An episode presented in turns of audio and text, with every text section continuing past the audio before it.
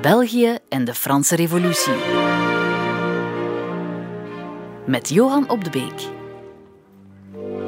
Een zomeravond 1789, hartje Brussel. En uh, we bevinden ons uh, in de Koolstraat, uh, recht tegenover de Finisterre kerk, die er nog altijd staat. Die prachtige, bezoekenswaardige kerk, barokkerk. de rest is natuurlijk met de gekende ijver die Brussel zo kenmerkte de laatste decennia helemaal platgelegd. Niks meer blijft over van het oude Brussel daar. En toen was dat anders. En in die Koolstraat is er een huis, een prachtige barok barokgevel moet dat ook geweest zijn, waar je uh, mensen ziet binnenstappen, uh, de, de, hoed, uh, de over de oren getrokken, de, kop in de kraag en ook s s'avonds hoor, bij, bij donkerte.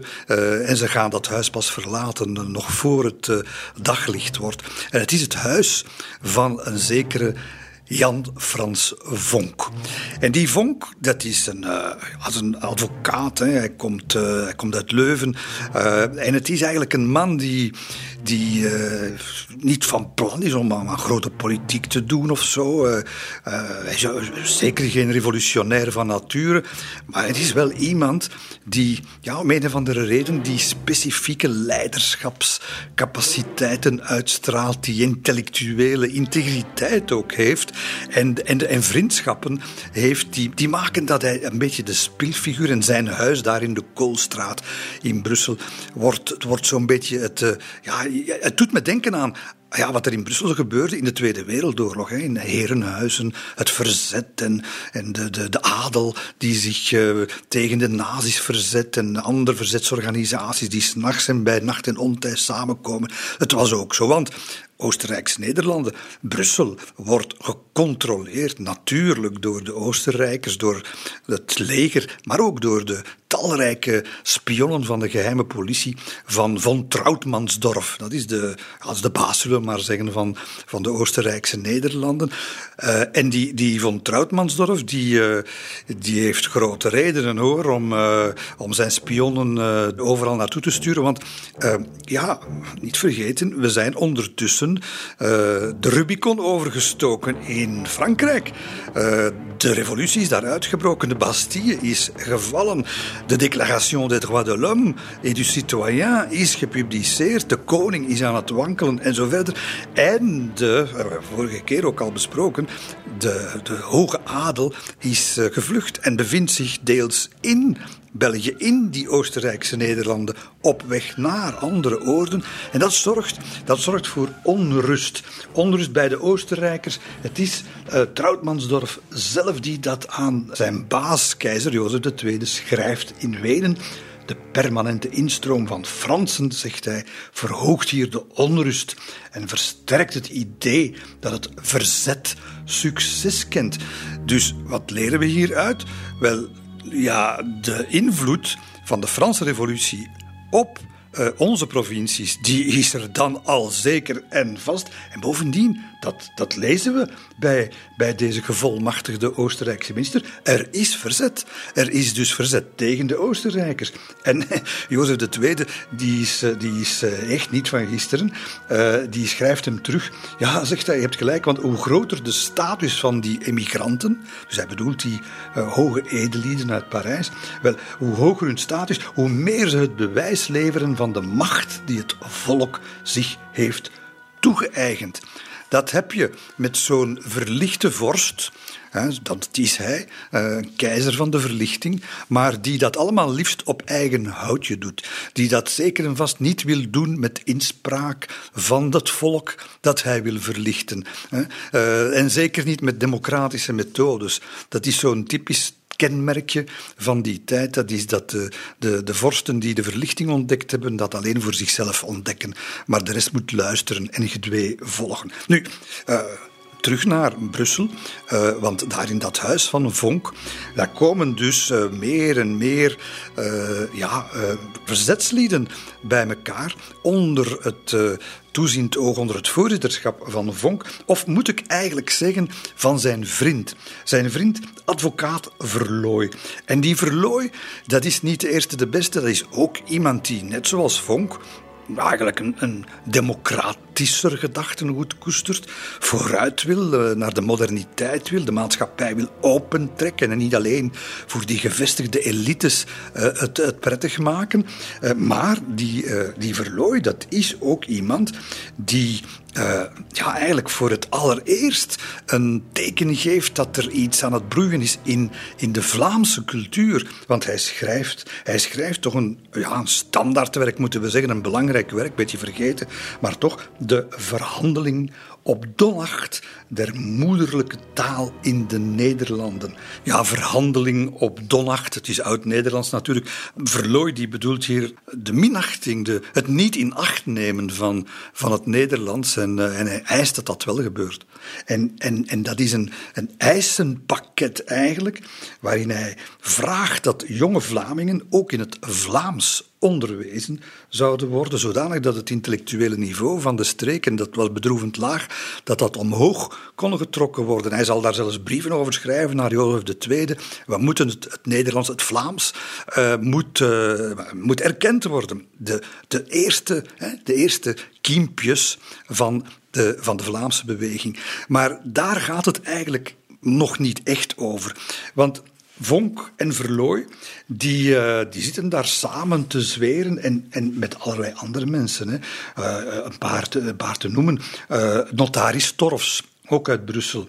Drukker de Hazen, de heren Robijns, Everaerts, dat zijn notabelen uit, uit Leuven, Stalens uit Mechelen. En, en belangrijk, Godefroy Hermans, de abt van de abdij van Tongerlo, een geestelijke uh, had je niet meteen verwacht in dit gezelschap misschien, maar, maar zeer invloedrijk en, uh, en ook overtuigd toch wel van die modernistische visie die in dat huis in de Koolstraat uh, zijn beslag krijgt. En er zal meer dan een visie tot stand komen, want Vonk en Verlooy en Torfs, die hebben eigenlijk uh, goede contacten met de verlichting. Ze, ze corresponderen soms zelfs met, uh, met verlichtingsfilosofen.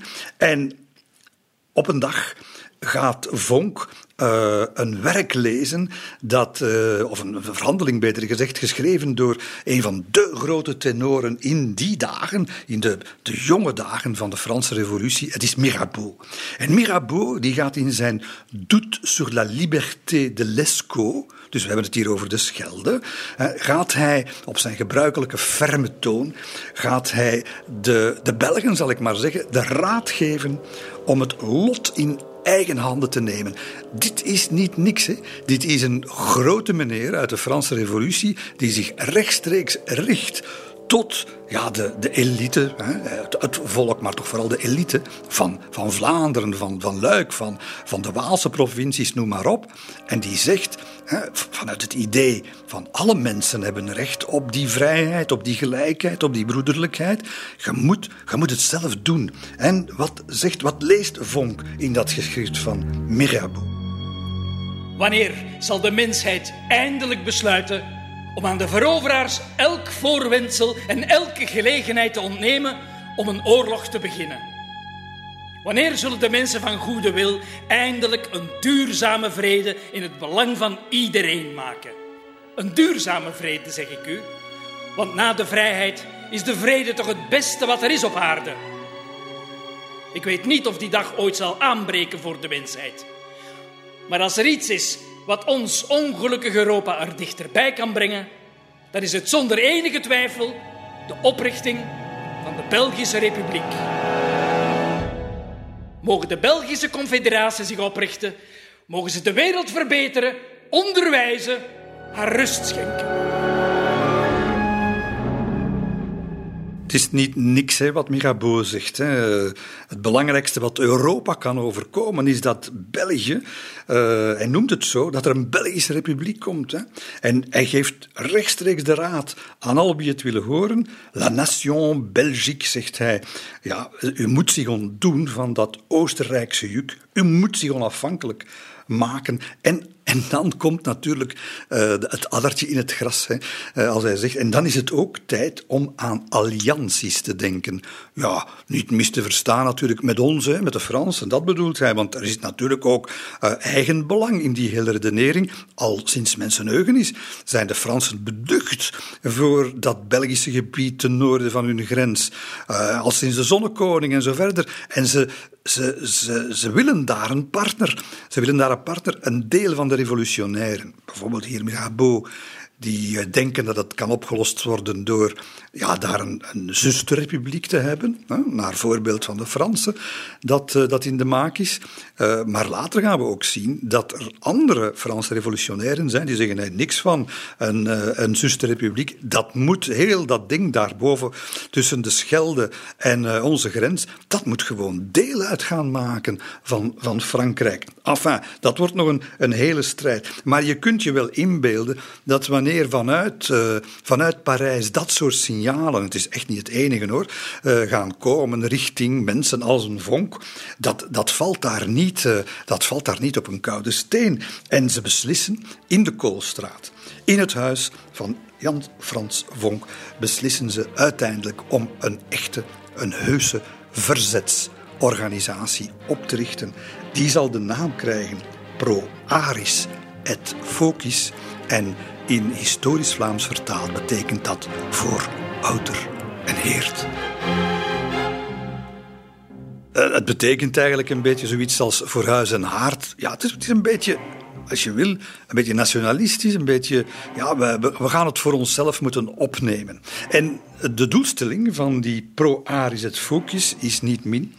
Uh, ten eerste, de opstand voorbereiden tegen de Oostenrijkers, de patriotten want dat, dat zijn dus de echte, ja, de, de, liefhebbers van, van een echte onafhankelijkheid van het land. Wat dat land moet worden, dat weet nog niemand. Maar goed, wel die patriotten doen emigreren zodanig dat ze een leger kunnen vormen, liefst in Holland. En van daaruit gaan we dan, hè, gaan we dan het hele land bevrijden. Dat zijn nogal ambities. Ja, het zijn natuurlijk, uh, het, zijn geen, het zijn niet alleen ambities, maar het zijn ook uh, in het Vlaams opgestelde ambities. We gaan later pas vertaald worden in het, uh, in het Frans. Trouwens, heel die club die vergaderden, die spraken Vlaams. Maar dat geldt zeker niet voor iedereen. Want er is Vonk en Verlooy en hun medestanders redelijk democratisch, uh, redelijk verlichtingsgezind, maar tegelijkertijd, hoe kan het ook anders in een land als het onze, is er ook een ander kamp in, uh, in verzet gekomen tegen Jozef II en zijn hervormingen. En dat is het totaal tegenovergestelde gedachtengoed. Een, een gedachtengoed dat vertrekt dat wat nieuw is, dat is slecht. En wat oud is, dat is goed. En, en dat, wordt, uh, dat gedachtengoed dat wordt belichaamd door een man nog, een, een, een, een kerel, uh, zo lelijk als de nacht en zo mager als hij, maar ook wel slim. Het is van der nood. Ja, Vroeger werd ons op school wel eens geleerd, de Brabantse omwenteling, dat waren Vonk en Van der Noot. Ja, je dacht toen noodzakelijkerwijs dat dat een tandem was, die twee. hand in hand, niks van hoor. Dat worden twee.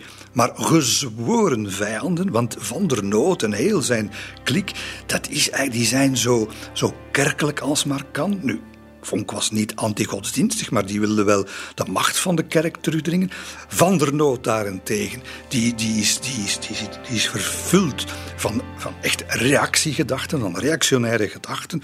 Die, is, die verafschuwt wat er daar gebeurt in Frankrijk. En die verafschuwt eigenlijk nog meer wat Jozef II aan het doen is in zijn hervormingsdrift in, uh, in de Oostenrijkse Nederlanden. Al die moderniseringen, de macht van de kerk terugdringen, het onderwijs, uh, ja, democratiseren, dat soort dingen. Dat is, een, dat, is een, dat, dat, is een schrikbeeld voor een Van der Noot. En je krijgt dus een dubbele, een dubbele aanval op het gezag van Wenen in België. Dat is een, een aanval vanuit een meer intellectuele, meer Vlaamse en ook meer democratische hoek.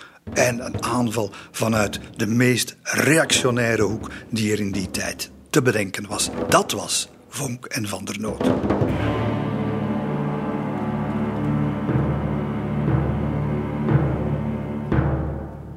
Nu, Vonk en Van der Noot die prediken echt niet in de woestijn. Hè, want ook te landen, in, tot in de kleine dorpen, is er onvrede. Eh, bijvoorbeeld uh, Hoegaarden bij Tienen.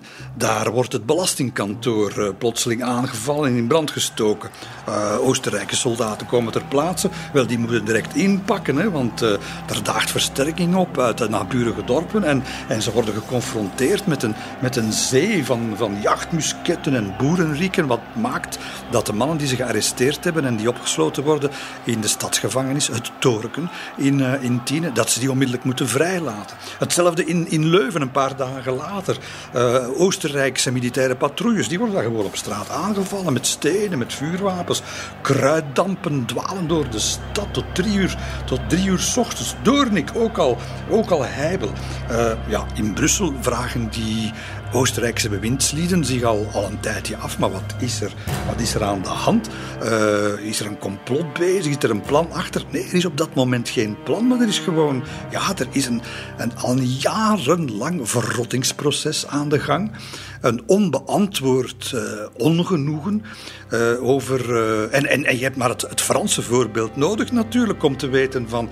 Ja, we gaan, we gaan, we, we, gaan de boel in de, in de fik steken. en die hele Oostenrijkse Nederlanden, die, die beginnen mee te doen. ja, en de Oostenrijkers, ze hebben het voor een groot stuk aan zichzelf te danken. Eén, omdat ja, ik zei het al, Jozef II, goede bedoelingen, de verlichting, maar nooit heeft hij de moeite genomen om aan uh, zijn kolonie, zal ik nu maar zeggen, de Oostenrijkse Nederlanden, uit te leggen waarom hij dat allemaal doet en wat daar de voordelen van gaan zijn. En dat hij niet met een onderdrukking bezig is, maar juist met een bevrijding van, uh, van zeker van het gewone volk. Dat is allemaal niet nodig voor hem. Uh, de keizer beveelt en de keizer zal gehoorzaamd worden. Ja, dat, maar dat pakt niet meer. En dan ten tweede. Uh, als ze dan met die eerste ja, uh, kenmerkende rellen zo hè, geconfronteerd worden, zoals daarnet beschreven, welk antwoord bieden ze dan? Ja, het klassieke antwoord van een, van een tirannie, repressie. Hè. Bijvoorbeeld hè, in, in, in Bergen, waar ook, on, uh, waar ook heibel is. Daar wordt een compleet orkest in de ijzers gegooid, omdat het patriotische deuntjes speelt. De jeugd in Brussel die krijgt van Troutmansdorf te horen dat wie zich schuldig maakt aan beledigingen, dat is weer dat, dat woord dat we tegenwoordig ook zo graag gebruiken, beledigingen, niemand weet wat het dan precies is, belediging van het Oostenrijkse gezag, die moet meteen uh, het leger in, verplicht. Uh, en, en in de kazerne, in het garnizoen van Luxemburg. En dat blijkt geen loos dreigement te zijn. Nee, diezelfde avond nog. Uh, 23 jonge mannen die uit de, de, de, de Brusselse cabarets gesleurd worden uh, en meteen naar het fort van Luxemburg worden overgebracht. En dat leidt tot nog, natuurlijk tot reactie, natuurlijk toch, tot, tot nog meer onregelmatigheden en, en ongeregeldheden. Zo erg zelfs dat die uh, Troutmansdorf, zijn eigen generaal, uh, die wordt daar woest over, maar die heeft niks te zeggen, dat hij meteen het bevel geeft, je moet die 23, breng ze maar gauw terug naar Brussel en laat ze maar een gewoon proces krijgen. En, en, en dus dat is de sfeer uh, Um, die, die, die eigenlijk uh, zowel de reactionairen als de modernen, en we noemen ze vanaf nu eigenlijk de vonkisten, dat zijn de modernen, en de, de statisten, dat zijn de mannen van Van der Noot, die het, die het het, staatse willen, dus het, de, de, het behoud van de staten van Brabant en, en eigenlijk ook wel de bestatiging van wat er al is. Hè. Dus conservatief, het, eh, het, uh, ja, de, de elite, die, de elitebelangen beschermen. Wel, die, die, die, die prediken, zoals ik zei, niet in het eilen. Nee, er is al van alles aan de gang. En dus wanneer ze, wanneer ze zich beginnen te manifesteren langs die twee kanten, dan gaan ze vrij snel eigenlijk bij de bevolking ook gehoord krijgen. En dan, en dan gebeurt er, ja, zo is dat met de geschiedenis, de deus ex machina, die heb je nodig hè, om plotseling de, de zaken in een, in, een, een stroomversnelling te sturen. En, ja, we hebben al Frankrijk gehad, natuurlijk, daar is van alles aan de hand, dat weten we. Al die berichten komen tot bij ons. Maar nog veel dichter bij de voordeur van de Oostenrijkse uh, Nederlanden, van Brussel, is Luik.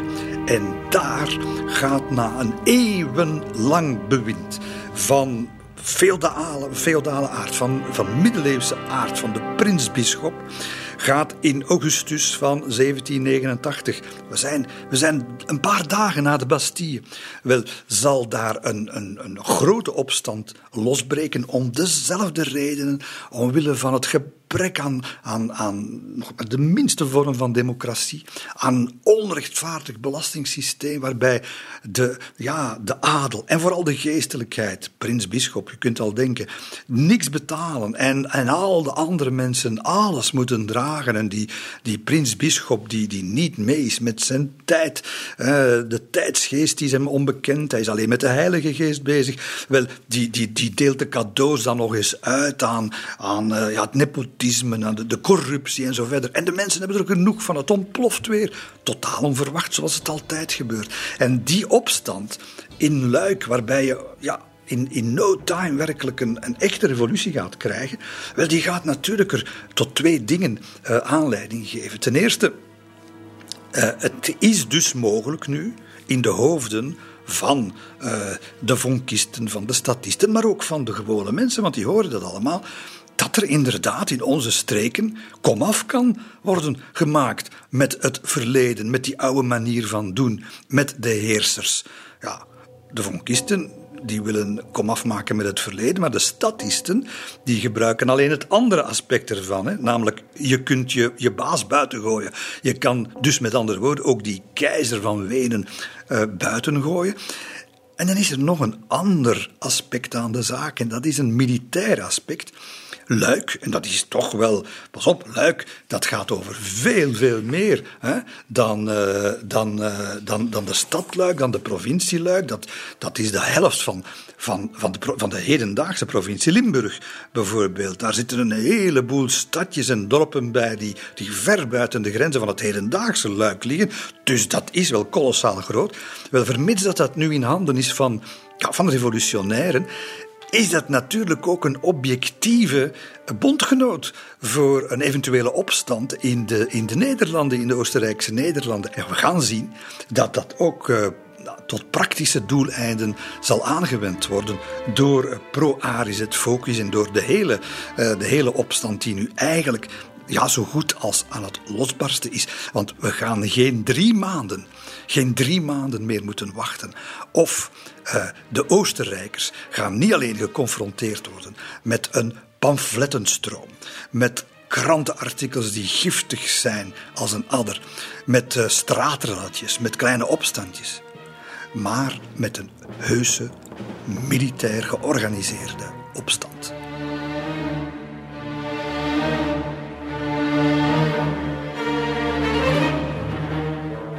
Ik wil toch nog graag iets zeggen over die, die twee heren die, uh, ja, die de geschiedenisboeken gaan halen uh, en die inderdaad toch wel de leiders waren van, van die opstand die nu, uh, die nu in de maak is. Om te beginnen, die, die Van der Noot, toch wel een, ja, begint eigenlijk zijn carrière als een, een obscure advocaat, maar in geen tijd wordt dat een echte volksmenner. Hij is een, ja, komt een, een telg van een, een vooraanstaand Brabants geslacht.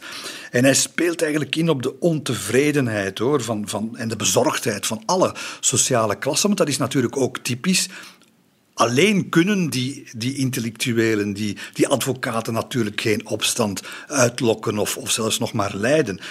Dat, er moet iets anders aan de hand zijn. En net zoals in Frankrijk is het natuurlijk ook weer hier zo dat de graanprijzen een rol spelen. Die zijn onstabiel.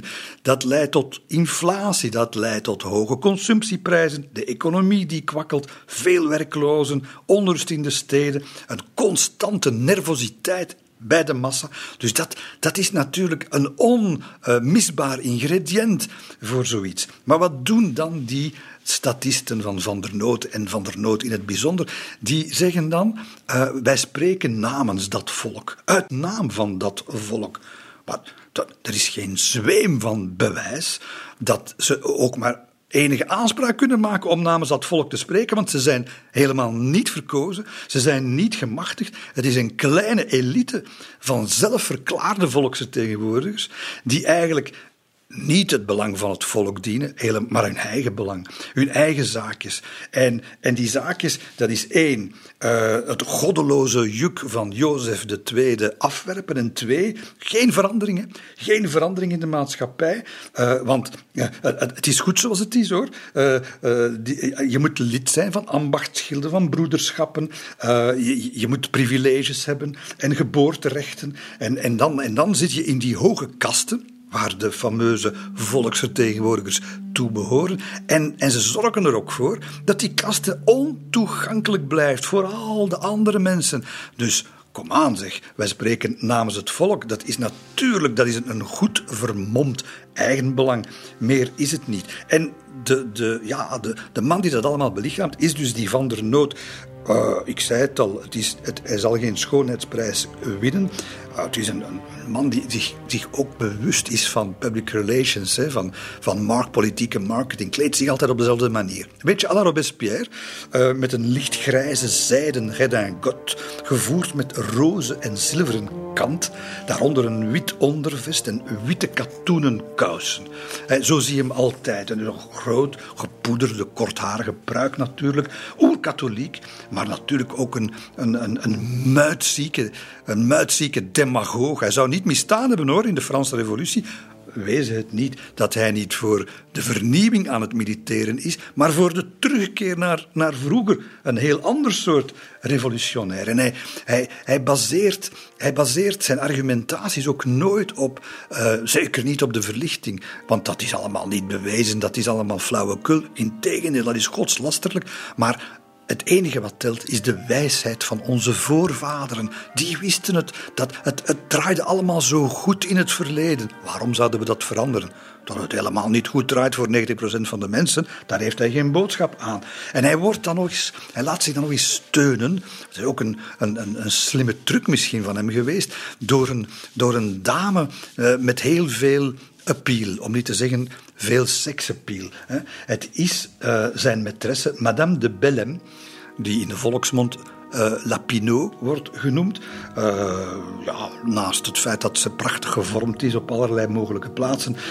Zwarte ogen, lange zwarte krullen, mooie tanden. Une beauté troublante, zoals men, zoals men zei. Maar de Lapinot is ook een, een, een, een en een pittige en een zeer invloedrijke Madame de Salon hè, in, eh, in, in het Brusselse. En ze zal op een bepaald moment zelfs worden gevangen genomen hoor, door de Oostenrijkers, omdat ze zo, ja, zich zo manifesteert.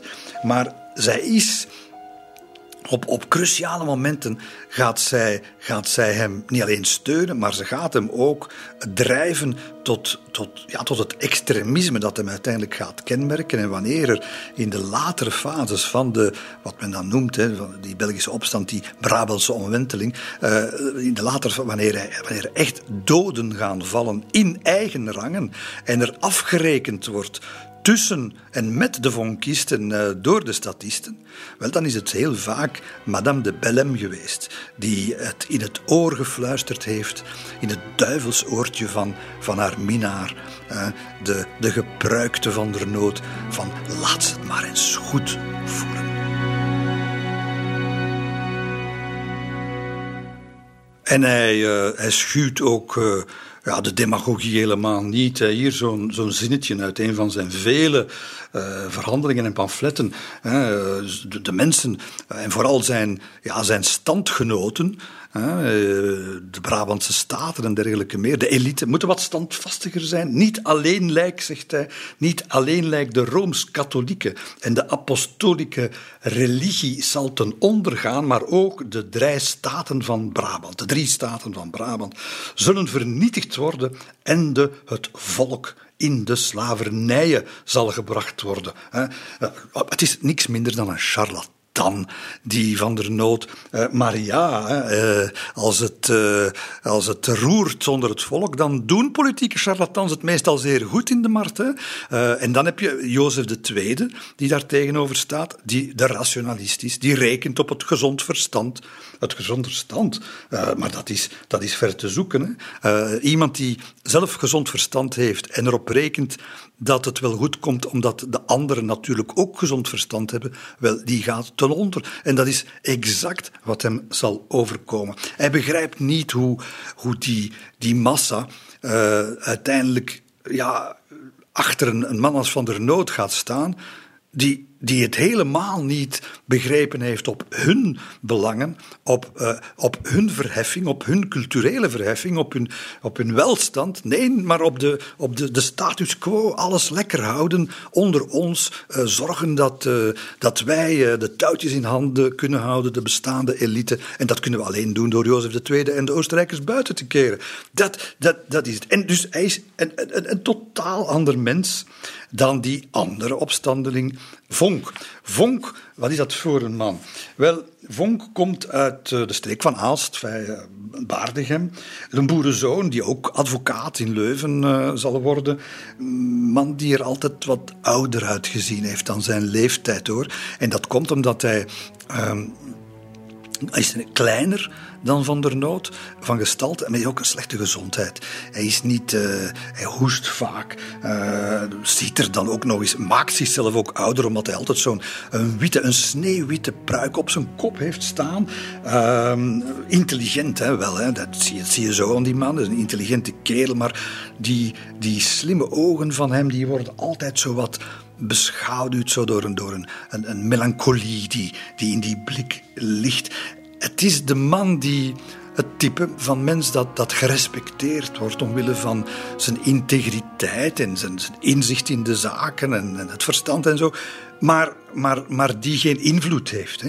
Die geen invloed heeft omdat hè, het volk hem ten eerste misschien niet helemaal goed begrijpt maar hem ook niet kent. En hij doet daar ook geen moeite voor. Van der Noot, die staat op elke hoek van de straat en die staat in elk pamfletje. Vonk niet. Vonk, die, dat is de man van de, van de, ja, van de geschriften en van, de, van de, de, de bijeenkomsten binnenskamers, van de genuanceerde standpunten ook. Niks bij Van der Noot. Bij Van der Noot moet, moet de, de, fakkel in het, uh, in het hok gegooid worden. Hè. Nooit bij Vonk. Dat is altijd zoeken naar het compromis, zoeken naar de nuance.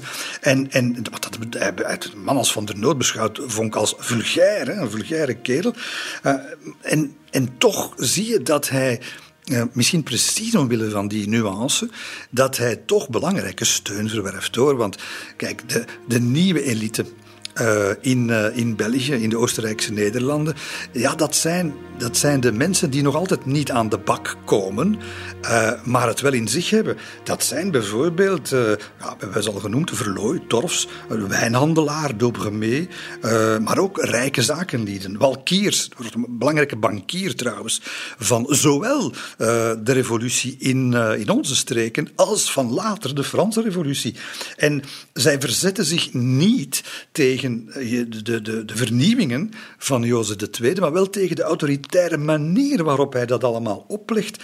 En eh, ja, die, die mensen die, die hikken ook aan tegen dat gesloten kastensysteem, op zijn middeleeuws georganiseerd, dat geen ruimte laat voor, ja, voor wat later het liberalisme zal heten, voor vrijheid van handel, voor ja, hard werken en geld verdienen, zullen we maar zeggen. En, en dat, dat lukt natuurlijk niet met die, met die oude, uh, vereisde en, en versteende manier van de samenleving te organiseren, zoals Van der Noot dat uh, wil behouden en zoals Vonk dat wil veranderen. En daarom zijn is alles eigenlijk wat met zaken, met geld te maken heeft. Het zijn niet allemaal, allemaal idealisten, nee, maar het zijn ook pure zakelijke belangen. Eh, door, doorbreken, dat, dat glazen plafond doorbreken, eh, die, eh, die het fonkisme mee gaan steunen. Dus je krijgt toch een vrij breed gedragen, opstandig sfeertje zo in, in, in de Oostenrijkse Nederlanden. Maar Vonk, die die beseft natuurlijk ook wel dat je te maken hebt ja, met een wankelend regime. Dat is waar, je voelt dat. Hè. De, de Oostenrijkse adelaar heeft geen klauwen meer, hoor. Want ze hebben al veel soldaten moeten wegtrekken voor andere, om andere oorlogen te voeren. Uh, dat bewind is onzeker, spreekt zichzelf tegen soms. Maar ze hebben natuurlijk nog altijd wel een pak militairen in Brussel, in Antwerpen en zo verder. En, en hij weet dus ook wel dat het zonder, uh, zonder militaire hulp dat het niet gaat lukken. En ze beginnen dus te zoeken en ja, het zijn eigenlijk Vonk en Van der Noot gaan elkaar een paar keer zien. Van der Noot nooit omdat hij echt wil samenwerken, want hij haat eigenlijk die vonk, die in zijn ogen een, een antireligieuze, ja, een vuilaardje is. Hè. En zeker met die democratische ideeën die hij heeft. Terwijl het eigenlijk niet zo is, hè. want weet u. Uh, democraten, zo noemen die vonkisten zich op een bepaald moment. En daardoor gaat het woord democraten in datzelfde jaar, en het jaar daarop, 1790, 91, in Frankrijk een heel slechte naam krijgen. Want die democraten in België, die zijn zo gematigd, die zijn zo braaf, die, die adel, die zijn helemaal niet tegen de godsdienst, dat die Franse revolutionairen zeggen, maar democraten, daar moeten we niet van weten. Dat even terzijde om u te zeggen hoe taal toch ook wel een rol speelt en hoe, hoe het ene, uh, de ene keer het, uh, het, uh, ja, de vlag de lading dekt en de andere keer helemaal niet. Nu, beiden zijn het erover eens, Vonk en Van der Noot, er, moet, er zal moeten, ja, het moet met met de wapens ook gebeuren. En wat doet Van der Noot, want die, ik zei het al, die, die wil niet echt samenwerken, maar die doet iets zeg, waar, waar Vonk hoest van wordt en waar, waar, helemaal geen draagvlak voor is, die gaat toch niet onderhandelen stiekem achter de rug van iedereen, gaat die onderhandelen met de Pruisen. De Pruisen die het eens even moeten komen regelen hier. Ja, je kunt wel denken, de Pruisen, dat zijn niet bepaald revolutionair. Hè? Dat zijn mensen die het ancien regime terug in ere gaan herstellen. Dat is precies wat Van der Noot wil. Maar de Pruisen die hebben nog wat anders te doen. Bovendien leidt dat ertoe dat Van der Noot niet meer in het land zal. Hij moet vluchten. Hij, zit in Breda. Hè?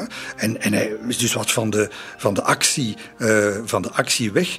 En, en, en het is dus nu aan Vonk. Vonk zit nog altijd in Brussel, wordt, ja, wordt geschaduwd, wordt, want ze weten het, hè, ze weten wie hij is, uh, ze weten dat hij gevaarlijk is.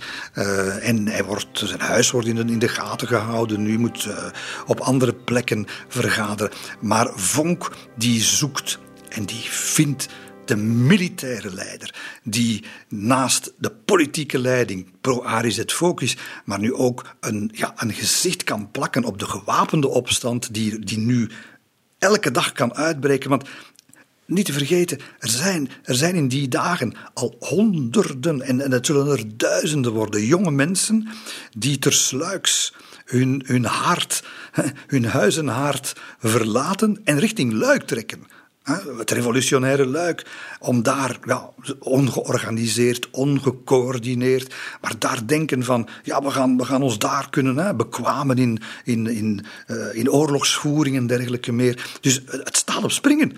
En Vonk weet, ik, ik, ik kan al dat potentieel niet zomaar naar de strijd sturen met, met, dat, met dat sterke professionele Oostenrijkse leger, zonder dat daar iemand aan de leiding staat die weet waar hij over spreekt. Hij zoekt hem. En hij gaat hem vinden. Het is, het is een man die gepokt en gemazeld is, die de littekens op zijn armen en benen heeft van de vele gevechten die hij heeft overleefd voor verschillende legers in Europa, die al lang, die al lang weet wat het geluid is van stervende mensen en van kanonskogels die langs je oren vliegen. Het is kolonel Van der Meers.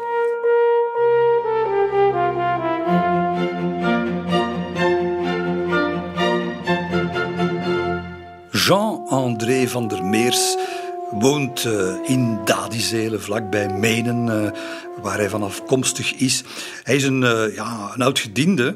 Hij heeft het Franse leger gediend, heeft bij het Oostenrijkse leger gediend, heeft tegen de Pruisen gevochten, heeft veertien oorlogsverwondingen en, en kent het klappen van de zweep. En wanneer hij als kolonel bij de Oostenrijkers in dienst is getreden, ja, dan eh, heeft hij daar toch wel uh, zijn strepen verdiend, denkt hij. En als het dan tot zijn pensionering komt, dan, dan, dan blijft hij gewoon kolonel tot zijn, grote, tot zijn grote ergernis en frustratie. Want hij vindt, en waarschijnlijk terecht, dat hij een generaalstitel zou moeten krijgen, maar niks van. Het is maar een Belg. De Oostenrijkers vinden het de moeite niet.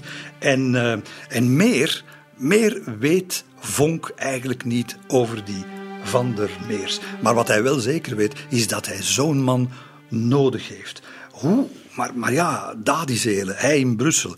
Uh, ja, vandaag is het allemaal simpel. Maar in die tijd worden ten eerste de wegen zijn al, dat is een lastige zaak, maar hij wordt in het oog gehouden. De wegen worden voortdurend gepatrouilleerd door de Oostenrijkse cavalerie. Er is, er is grote spanning in het land, in al de provincies van de Oostenrijkse Nederlanden. Mensen worden gestopt, de identiteitsbewijzen worden gevraagd, uitleg gevraagd en zo verder. Dus eh, dat, dat, wordt, dat wordt nog geen sinecure. Hoe kan hij ontsnappen? Hoe kan hij van der Meers spreken in het geheim zonder dat mensen dat weten en tegelijkertijd ontsnappen aan, aan de spiedende ogen van de spionnen van von Trautmansdorf. Wel, het gaat een, een spionageverhaal worden. Hij, hij gaat Canlique de Broe benaderen, uh, die uh, bevriend is met de pastoor van Schorissen. Dat is een dorp hè, bij Oudenaar. De mensen die daar wonen kennen dat wel. En die Janssens, die, uh, die, gaat, die gaat Vonk ontmoeten. Vonk die ondertussen niet meer Vonk heet, die heet nu Plasgaard.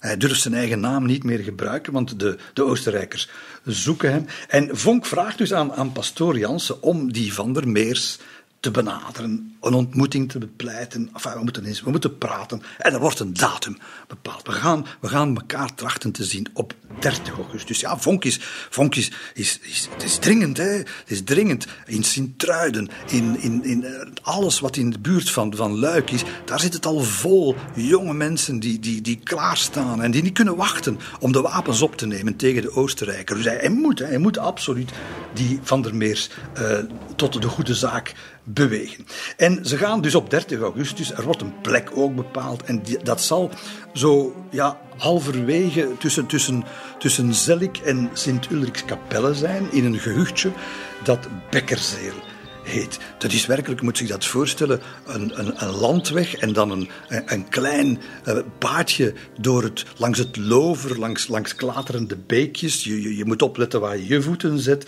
uh, in een valleitje. Enfin, wie het niet kent, besta- vermoedt niet eens dat het bestaat, daar, uh, dat Bekkerzeel. En dus dat is een uitermate geschikte plek voor riskante ontmoetingen. Uh, en uh, ja, afspraak, en dat zal het kerkje zijn, vierkante toren met, met zo'n klokvormige lijnhelm daarboven. allemaal een paar boerderijtjes daar rond. Meer is het niet met eenlaagse bakstenen, zo uh, pannenzadeldakken uh, en anders uh, alleen maar een paar hoge bomen. Dat, dat wordt het charmante kader waarin de Brabantse omwenteling zal worden bedisseld. En dan nog wel, ja, de man van de verlichting die dat allemaal zal doen in het huis van de Heer bij pastoor de Batselier. Dat is de enige die in Bekkerzeel weet wat er te gebeuren staat. En dus het wordt 30 augustus. Iedereen op de toppen van zijn tenen. Niet in het minst van der Meers, die natuurlijk uh, ja, die, uh, die, die, die weet tot wat militairen in staat zijn en die, die heeft zich vermomd. Die, kom, die, komt, die komt daar aangewandeld, uh, fluitend waarschijnlijk, vermomd als, als fazantenjager. Met een buks op de schouder. En een paar jachthonden uh, die rond zijn laarzen hangen zo. Uh, achter hem pastoor Janssens, dus de, de bemiddelaar. En, en advocaat Raapzaat, een man van, van Vonk. En uh, ze laten Vonk in Brussel weten dat alles naar wens verloopt en we zijn aangekomen. En nu is het wachten. Hè. Nu is het wachten. hij wordt in de loop van de nacht verwacht. Maar hij komt niet. Nee, want Vonk, dat zie je, dat zijn gezondheid een parten speelt. Vonk die, die, die, die, die heeft schrik dat zijn altijd maar zwakkere gezondheid. En we weten dat die vergaderingen, dat waren... Hij heeft dagenlang, nachtenlang vergaderd met zijn medestanders. Thuis en op, op schuilplaatsen. En, en hij gaat eronder door. Hij zegt ook letterlijk op een bepaald moment... Ik, ik ik, ik, ik, sta op het punt om te sterven. Enfin, het zal nog wel even duren. Maar dus, hij, is, hij voelt zich niet goed. Uh, en de koude zomernachten uh, van Brabant, de grond mist in de bossen, u kent dat wel. Dus hij durft daar niet zomaar door. En het is pas om negen uur ochtends dat hij opdaagt in Bekkerzeel, in het zweet en om zich heen spiedend, alsof de duivel op de loer ligt. Dat had natuurlijk best gekund, waar het niet dat Vonk een man van de verlichting is en voor geen snars in de duivel gelooft. Maar wel in de wetenschap, want hij heeft de Leuvense ingenieur Claude Fiscot bij. En dat is een specialist in militaire bouwkunde. En, en, en, en zal zijn credibiliteit bij Van der Meers, hoopt hij, kunnen, kunnen aandikken. Dus ze hebben, ze hebben know-how in huis hoor. Vonk zal nog eventjes rond die pastorie in Bekkerzeel van tussen het gebladerte zo naar, naar dat gebouw kijken tot hij zeker is, tot hij gerust is. Nee, er zijn geen Oostenrijkers. Nee, er lopen geen rare mannetjes rond. En hij, hij stapt binnen. Achter de ommuurde tuin en achter het beluikte segmentboogvenster van dat, van dat pastorietje gaat een gesprek aanvatten, beginnen. Dat negen uur gaat duren. Want ja, een plan opstellen om de Oostenrijkers uit de Belgische provincies te verjagen, dat is iets ingewikkelder dan op fazanten jagen. Dat weet Van der Meers ook. En Van der Meers, die zich, ja, en dat is slim hoor van Vonk, die zich van, van de eerste minuut aangesproken hoort door, hè, door Vonk als generaal. De, de, de, kolonel die plotseling een generaal is geworden. Dus u, u kunt al denken dat dat was een goed begin. Hè. Uh, en, Van der Meers, ja, maar Van der Meers die heeft zijn eisen. Hè. Ik moet uniformen hebben. Ik ga niet met, met, zo, met, met, een hoop voddemannetjes het leger uh, samenstellen. We moeten uniformen hebben. Voor minder doe ik het niet. Geld, ja, dat zal wat geld kosten. Hè. Maar een leger moet er als een leger uitzien. Dat soort vrij... Uh, evidente banaliteiten komen daar te sprake. Het was allemaal, men had er niet aan gedacht. En hij wil ook een oefengebied. Daar had men wel aan gedacht. Hij wil een gebied waar zijn ongetwijfeld enthousiaste hè, uh, militieleden, maar, maar ongetrainde troepen zich kunnen uh, versterken, zich kunnen uitbouwen, uh, zich kunnen vermannen tot ze echt als troepen kunnen gekenmerkt worden. En die oefengronden, die wist men liggen. Het zou in het land van Luik zijn, in de streek van Sint-Truiden, in de streek van Zuid-Limburg, in de streek van Luik zelf. En het is natuurlijk zeer goed gezien van Van der Meers dat hij precies Luik uit, uh, uitkoos of aanwees. Want je hebt daar de Demer liggen natuurlijk. En de Demer vormt daar een soort van natuurlijke uh, buffer tussen het Prins Bison Luik en de Oostenrijkse Nederlanden. Met een bootje steek je zo over in alle rust. En uh, aangezien de Luikse burgemeester een sympathisant is en zijn oogjes sluit, zal pro-Aris en Focus besluiten: we gaan met Van der Meer een leger maken en ons hoofdkwartier vestigen we in Hasselt.